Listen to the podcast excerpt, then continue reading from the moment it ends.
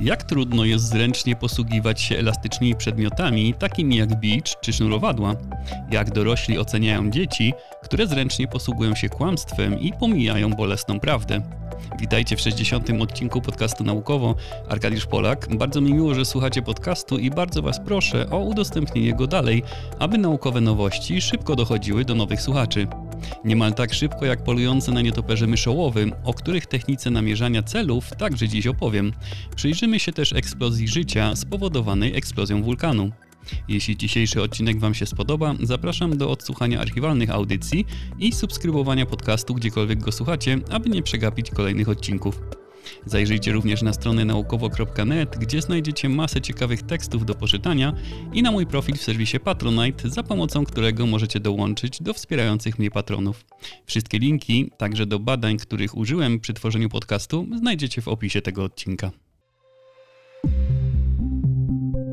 Odpowiednio wprawieni mistrzowie bicza potrafią przy jego użyciu przepołowić jabłko położone na głowie człowieka albo grać w jęgę, wysuwając z niej klocki uderzeniami bicza. Mistrzowskie posługiwanie się batem wydaje się być umiejętnością widowiskową i raczej niepotrzebną, ale wbrew pozorom wiąże się z wieloma innymi czynnościami, które człowiek wykonuje.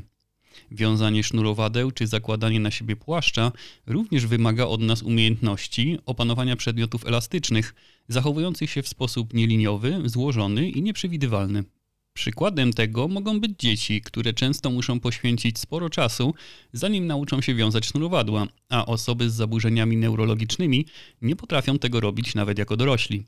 Analiza użycia bicza przez człowieka może przynieść nowe ustalenia nie tylko o zachowaniu materiałów, ale także o działaniu naszego mózgu, tego jak kontroluje on i koordynuje z resztą organizmu tak skomplikowane interakcje z nieprzewidywalnymi przedmiotami. Dlatego niemieccy naukowcy postanowili zbadać, w jaki sposób człowiek posługuje się biczem o długości 1,60 cm, próbując trafić w cel. Użyto do tego plecionego, skórzanego bicza, którego 16 uczestników badania używało na dwa sposoby: poprzez pojedyncze uderzenia oddzielone przerwami oraz w sposób ciągły i rytmiczny. Zarówno bat, jak i ciała uczestników pokryte zostały markerami pomagającymi śledzić ich ruch, rejestrowany przez 12 kamer. Bicz jest przedmiotem niezwykle elastycznym, może się skręcać, zginać i obracać, a umiejętność posługiwania się nim wymaga niezwykłej zręczności. Potwierdzałyby to wyniki badania. Użycie bata przez jego uczestników było bardzo indywidualne i pomimo poproszenia ich o stosowanie pewnej techniki, poruszając bat za ciałem, potem nad głową i wreszcie do przodu w kierunku celu, to wielu z nich nie trafiło w cel nawet w 30% wszystkich prób, mijając się z nim na długościach od 3 do nawet 35 cm. Badacze analizowali, w jaki sposób ich bicz był rozwijany w kierunku celu, a także odwzorowali pozycję rąk biczowników. Po analizie danych doszli do wniosku, że aby sprawnie kontrolować bat, używając przedstawionej techniki, najważniejsza jest początkowa prędkość ręki i ustawienie bicza nad głową do tyłu, jednocześnie maksymalnie go rozciągając tak, aby stał się obiektem przypominającym długi, prosty pręt. Wówczas, wyrzucając go do przodu szybkim ruchem, bat ma mniej czasu na splątanie się, skręcenie czy inny niekontrolowany ruch i częściej trafia w cel. Potwierdzają to też różnice między pojedynczymi uderzeniami a serią. Wyniki były ogólnie lepsze, gdy uczestnicy badania trafiali w cel uderzeniami jednokrotnymi, oddzielanymi przerwą. Prędkość ręki była wówczas większa, co przekładało się w lepszą dokładność. Można to porównać do posługiwania się piłką, na przykład tenisową, którą chcemy rzucić jak najdalej. Wówczas to szczytowa prędkość ręki decyduje o ilości energii, jaką włożymy w rzut. Różne wyniki w trafianiu w cel batem mogły się zatem brać z poziomu wysportowania uczestników, ogólnej sprawności fizycznej i zdolności koordynacyjnych. Badacze zwracają też uwagę, że rytmiczne powtarzanie uderzenia może prowadzić do poprawy wyników, zatem jeszcze raz okazuje się, że trening czyni mistrza. Potwierdził to profesjonalny biczownik Adam Winrich, który wykonał w laboratorium podobne zadanie polegające na trafieniu w cel i trafił w około 90% przypadków bez względu na ciągłość uderzeń. Inni mistrzowie bicza potrafią, używając innej techniki, trafić w cel 10 razy w ciągu około 2,5 sekundy. No dobrze, postrzelali sobie z bicza, ale w czym wyniki takich eksperymentów mogą pomóc? Zawiązanie sznurowadeł może być ciężką przeprawą dla przedszkolaka, ale w końcu nauczy się on tej trudnej sztuki. Natomiast współczesna robotyka nadal zmaga się z trudnościami radzenia sobie z tak skomplikowanymi, elastycznymi materiałami. Osiągnięcie ludzkiej zręczności jest celem dla robotów, jeśli chcemy używać ich do wykonywania ludzkich czynności. Posługiwanie się skomplikowanymi przedmiotami ma także duże znaczenie w opracowaniu nowych, dokładniejszych protez kończyn, które będą lepiej naśladować naturalne ruchy człowieka. Szybkość jest przydatna także w świecie zwierząt, a w przypadku niektórych gatunków prędkość oznacza powodzenie w polowaniu lub odwrotnie w ucieczce przed drapieżnikiem. Jak duże są to prędkości, pokazuje świetnie historia Kena Franklina i jego sokoła wędrownego Frightfula. Ich wspólna praca pozwoliła na zmierzenie prędkości lotu tego gatunku ptaków. W 1999 roku, podczas kilku skoków spadochronowych, Ken pikował w dół razem ze swoim ptakiem, któremu zamontowano odpowiednie czujniki mierząc, jak daleko sokół spadał w określonym przedziale czasu. Gepardy mogą na lądzie osiągnąć prędkość około 110 km na godzinę na krótkich odcinkach. Zmierzona prędkość, z którą sokół nurkował za swoją zdobyczą, to 390 km na godzinę, a jego właściciel twierdzi, że nie jest to szczyt możliwości tego gatunku. Natomiast zwierzęta, które są pożywieniem dla tak szybko poruszających się drapieżników, musiały wykształcić jakieś mechanizmy obronne. Jednym z nich jest gromadzenie się w stada. Poruszanie się w dużej grupie zmniejsza ryzyko dla pojedynczego osobnika, może utrudnić polującemu namierzenie celu, powodując jego dezorientację. Aby to sprawdzić, badacze udali się na odległe zakątki pustyni Chihuahuan, która rozciąga się od południowo-zachodnich Stanów Zjednoczonych aż do Meksyku, aby badać tam relacje między drapieżnikami, myszołowami preriowymi, a ich ofiarami, molosekami brazylijskimi, małymi nietoperzami zamieszkującymi jaskinie. Nietoperze też żyją w ogromnych stadach. Badana grupa liczyła około 900 tysięcy osobników, a całe to zgromadzenie potrafi wylecieć z jaskini w ciągu kilku minut, tworząc gęsty rój. Wprawdzie porusza się on w jakiś spójny sposób, ale już wewnątrz niego pojedyncze osobniki potrafią wykonywać nieregularne, chaotyczne ruchy, tworząc gęstą plątaninę torów lotu. Rozsądne jest przypuszczenie, że taki sposób poruszania się chroni stado przed atakami drapieżników, które za cel obierają sobie pojedyncze osobniki, ograniczając jego zdolność do namierzania i śledzenia celu. Ataki na samotne cele mogą się bowiem mocno różnić. Przechwytywanie w pętli otwartej może być możliwe w przypadku przewidywania poruszającego się celu i oznacza, że atakujący celuje w spodziewaną przyszłą pozycję celu, bez wprowadzenia dalszych poprawek uwzględniających nieoczekiwane zmiany w ruchu celu. Można to porównać do strzelania z łuku do tarczy, gdy łucznik sprawuje kontrolę tylko w pierwszej fazie ataku. Natomiast ataki w pętli zamkniętej są niezbędne podczas ścigania celu próbującego ataku uniknąć, co oznacza, że atakujący wykorzystuje informacje o ruchu celu do ciągłego korygowania własnej trajektorii lotu, tak jak pocisk termoaktywny przechwytuje cel śledząc jego ciepło. Badacze postanowili sprawdzić, czy te prawa naprowadzenia na cel mają odzwierciedlenie w świecie zwierząt. Wydawało się bowiem, że przechwytywanie w pętli otwartej mogłoby być bardziej niezawodne w przypadku gęstych skupisk ofiar, ze względu na zwiększone prawdopodobieństwo przypadkowego trafienia w którejś ze zwierząt gęsto upakowanych w stadzie. Gęsto upakowane kamery filmujące wylot z jaskini nietoperzy, gdzie myszołowy najczęściej polują na nie, pokazały, że ptaki niespecjalnie przejmują się ilością obiektów i w ogóle nie są zdezorientowane. Zamiast skupiać się na wyłapywaniu poszczególnych nietoperzy, ptaki kierowały się w stronę stałego punktu w roju, lecąc po niemal kołowym łuku. Taka strategia byłaby beznadziejna w przypadku nieobliczalnego, pojedynczego celu, ale ma duże szanse powodzenia w przypadku gęstego skupiska ofiar. Sukces ptaków w unikaniu dezorientacji ilością fruwających nietoperzy można częściowo wytłumaczyć tym, że pomijają one namierzanie celu podczas podejścia. Zamiast tego myszołowy wydają się najpierw skręcać w stronę roju, a następnie wyciągać nogi w manewrze schwytania, skierowanym na tego nietoperza, z którym znajdują się na kursie kolizyjnym w momencie zbliżania się do niego. Myszołowy wydają się albo celować w stały punkt w przestrzeni, albo podążać z góry ustaloną ścieżką, co sprawia, że ataki na stado są równie skuteczne co ataki na pojedynczego osobnika. Jest to sprzeczne z dotychczasową hipotezą, że skuteczność polowania drapieżników spada wraz ze wzrostem zagęszczenia stada ze względu na dużo trudniejsze namierzanie pojedynczych ofiar. Wręcz przeciwnie, to właśnie zagęszczenie stada sprawia, że jest bardziej prawdopodobne, iż każdy ptak wlatający do stada znajdzie się na kursie kolizyjnym z nietoperzem. Ale pomimo tego złapanie konkretnego nietoperza, gdy ptak jest już wewnątrz stada, wydaje się być niełatwe. Czy myszołów wybiera konkretnego osobnika? Komputerowa analiza linii widzenia atakującego drapieżnika pokazała, że kierunek linii wzroku do celu pozostawał niemal stały. Gdy stojąc nieruchomo na ziemi człowiek patrzy na stado niemal miliona nietoperzy, to całość jawi się jako przypadkowy powietrzny taniec. Natomiast polujący, poruszający się szybko drapieżnik będzie postrzegał wszystko, co stoi na kursie zderzeniowym, jako nieruchome. Roje, stada i ławice, które dla naszych oczu wyglądają na chaotyczne, dla poruszającego się drapieżnika są bardziej uporządkowane, dzięki czemu może utrzymać stały, niezmienny namiar na cel, podobnie jak kierowca, który w naturalny sposób włącza się do ruchu na gęsto uczęszczanej drodze. Prace nad poznaniem mechanizmów dezorientacji mogą mieć dla człowieka duże znaczenie przy opracowaniu nowych technologii militarnych, np. przy projektowaniu obrony przeciwlotniczej czy systemów obrony przed rojami dronów. Ale przede wszystkim nowe odkrycia naukowców są świetnym przykładem sprytnych sposobów, jakie natura znajduje do rozwiązywania trudnych wyzwań.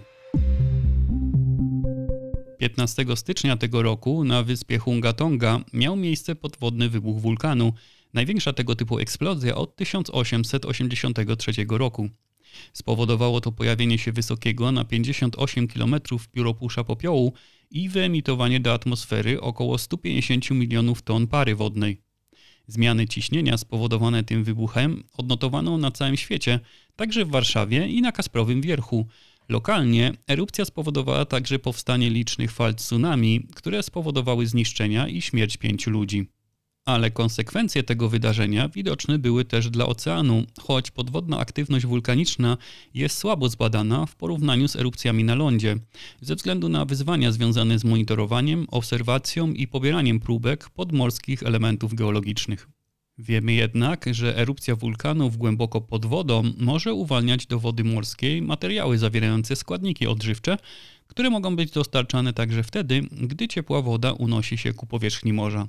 Takie mechanizmy kojarzące się z nawożeniem oceanów mogą dostarczać duże ilości rozpuszczonego żelaza do ekosystemu oceanicznego, co może sprzyjać wzrostowi specyficznych organizmów, takich jak sinice wiążące azot, których zapotrzebowanie na żelazo jest bardzo duże. Także w 2022 roku zauważono niezwykle duży i szybki wzrost fitoplanktonu właśnie po erupcji wulkanu na Hungatonga. Zakwit mikroskopijnego życia morskiego pokrył obszar prawie 40 razy większy od hawajskiej wyspy Oahu w ciągu zaledwie 48 godzin po erupcji. Fitoplankton to drobne organizmy posługujące się fotosyntezą, które produkują tlen i służą jako podstawa morskiej sieci pokarmowej. Żywią się nimi skorupiaki, mięczaki, ryby i walenie. Wzrost tych mikroskopijnych organizmów jest często ograniczony przez niskie stężenia składników odżywczych rozpuszczonych na powierzchni oceanu. Równocześnie ilość fitoplanktonu może gwałtownie rosnąć, gdy składniki odżywcze staną się dostępne. Dodatkowo fitoplankton wyciąga również z atmosfery dwutlenek węgla, który jest odpowiedzialny za ocieplenie większości regionów naszej planety. Ale aby przeprowadzić badania tego, co wydarzyło się po erupcji wulkanu, skierowano uwagę nie w głąb oceanu, ale wysoko nad nasze głowy. Zespół amerykańskich naukowców przeanalizował zdjęcia satelitarne różnego rodzaju w zakresie barw widzialnych, emisji promieniowania czerwonego i podczerwonego oraz odbicia światła na powierzchni morza. Obserwacje satelitarne ujawniły wiele wpływów erupcji wulkanu na pobliski ocean, ale najbardziej uderzającym sygnałem był duży zakwit fitoplanktonu, wykryty po raz pierwszy już dobę od wybuchu. Erupcja dostarczyła potrzebnych składników odżywczych zarówno od góry, gdy popiół opadł na powierzchnię morza, jak i od dołu poprzez wymieszanie się wody morskiej z lawą i parą wulkaniczną. Dowodów na to dostarczyło także zmierzenie średnich wartości stężenia chlorofilu. 12 stycznia, a więc przed erupcją wulkanu, wynosiło ono 11 mg na metr sześcienny, a dzień po wybuchu 1,1 mg na metr sześcienny. To błyskawiczny dziesięciokrotny wzrost chlorofilu na obszarze obejmującym dziesiątki tysięcy kilometrów kwadratowych. Czy tego rodzaju badania, oprócz poznawania mechanizmów erupcji wulkanów oraz tego, jaki wpływ mają na ekosystemy wokół nich, mogą się człowiekowi do czegoś przydać? W czasach zmian klimatycznych i starań o usunięcie dwutlenku węgla, kumulującego się w atmosferze na skutek działań człowieka, pojawił się pomysł nawożenia oceanów tak, aby pobudzić rozwój fitoplanktonu. Miałby on pochłaniać dwutlenek węgla, a następnie opadając na dno oceanów, magazynować go w głębinach na miliony lat. Taka geoinżynieryjna technika jest jednak w fazie badań. Nie wiadomo, jaka byłaby skuteczność takiego postępowania w skali globalnej i jakie konsekwencje ze sobą niesie. Przyspieszenie wzrostu zakwitów może bowiem zakłócić oceaniczne łańcuchy pokarmowe, bioróżnorodność lub pozbawiać ekosystemy głębinowe rozpuszczonego tlenu, gdy masy tonącego fitoplanktonu opadają na dno. Lepsza gorzka prawda niż słodkie kłamstwo, a kłamać nie warto, bo kłamstwo ma krótkie nogi. Tego uczymy nasze dzieci, przekazując im, że kłamanie jest naganne i prowadzi do złych konsekwencji zarówno dla osoby okłamywanej, jak i samego dziecka. Ale czy na pewno? Czy kwestia uczciwości i prawdomówności jest tak prosta i jednoznaczna dla dorosłych oceniających kłamstwa dzieci?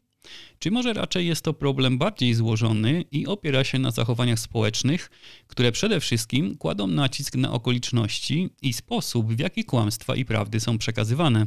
Choćby nie wiem jak rodzice się starali i wpajali dziecku prawdomówność, to i tak nauczy się ono kłamać już na wczesnych etapach swojego życia, w wieku dwóch, trzech lat i to pomimo ostrzeżeń, aby rodziców nie kłamać, czy kar stosowanych, gdy do kłamstwa dojdzie. Jednocześnie dość szybko dzieci stają się zaskakująco szczere, aż do bólu rodziców, którzy usłyszą, że obiad był obrzydliwy lub wręczony prezent jest brzydki i dziecko go nie chce. Dorośli starają się wówczas zniechęcać dzieci do wyrażania szczerych i prawdziwych uczuć dziecka, które mogłyby kogoś urazić, a jednocześnie twierdzą, że kłamanie jest złe. I to ta sprzeczność stała się obiektem badań, o których opowiem. Kłamcy są ogólnie postrzegani jako ludzie źli, ponieważ samo kłamanie jest moralnie niedopuszczalne. Ale dorośli potrafią rozdzielać kłamstwa na te egoistyczne i nieakceptowalne przez społeczeństwo od tych, które są moralnie dopuszczalne, wypowiadane dla dobra innych, chroniąc na przykład uczucia innych osób czy ułatwiając kontakty międzyludzkie. Potrafimy to ocenić nie tylko na podstawie samego kłamstwa, ale biorąc też pod uwagę inne czynniki: kto kogo okłamuje, z jaką korzyścią i dlaczego, jaką opinię ma kłamca i czy rażąco narusza społeczne normy. Rozwój umiejętności kłamania u dzieci następuje szybko. Najwcześniej pojawiają się kłamstwa egoistyczne, wypowiadane w celu ochrony lub uzyskania korzyści. Wraz z wiekiem szybko rośnie skłonność do kłamania prospołecznego. Dzieci ze szkoły podstawowej były bardziej skłonne do altruistycznych kłamstw w porównaniu z dziećmi w wieku przedszkolnym, zwłaszcza gdy kosztowało je to nagrodę. Dzieje się tak na skutek relacji z innymi ludźmi, a zwłaszcza z rodzicami, którzy kształtują moralny kompas, dzięki któremu dziecko świadomie kontroluje naturalny przecież egoizm. Badania jasno pokazują, że kochający rodzice, którzy edukują swoje dziecko w kwestiach moralnych i równocześnie wymagają od niego pewnych pozytywnych zachowań, wychowują dzieci wykazujące się altruistycznymi zachowaniami. Ale niezwykle mało badań jest nad tym, jak rodzice kształtują w dziecku umiejętności kłamania w dobrej wierze i rozpoznawania, kiedy lepiej grzecznie skłamać, niż bezceremonialnie mówić gorzką prawdę. Nowe wyniki badań sugerują, że dzieci, które mówią bez ogródek prawdę, są oceniane przez dorosłych bardziej surowo niż te, które naginają prawdę, aby być uprzejmym lub chronić innych.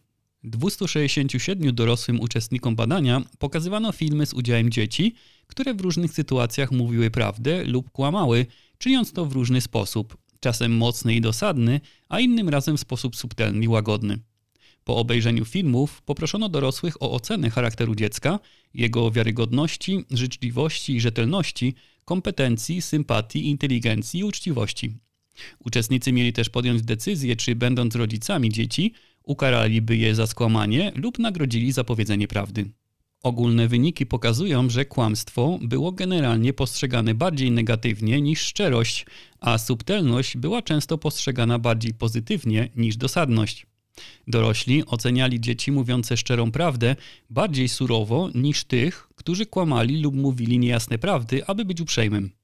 Kiedy dzieci kłamały, aby chronić innych, mówienie dosadnych prawd lub kłamstw miało mniejszy wpływ na to, jak dorośli postrzegali dziecko.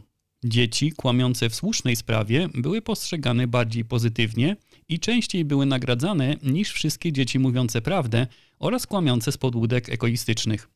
Z drugiej strony, tacy źli kłamcy byli częściej karani niż wszyscy mówiący prawdę, nawet tę bolesną. Chociaż ludzka kultura i społeczeństwo ogólnie promują prawdomówność i uczciwość, to już na poziomie kształtowania się takich postaw u dzieci, komunikat od dorosłych o stosowaniu kłamstw jest prawdopodobnie znacznie bardziej zniuansowany. Kolejnym krokiem w badaniach będzie sprawdzenie, jak te wczesne procesy socjalizacji wpływają na rozwój umiejętności dzieci w zakresie mówienia prawdy i kłamstwa w miarę dorastania. Ja za to powiem Wam szczerą prawdę, że kolejny odcinek podcastu naukowo usłyszycie już w sobotę, a tymczasem dziękuję za Waszą dzisiejszą uwagę, życzę miłego końca tygodnia, do usłyszenia.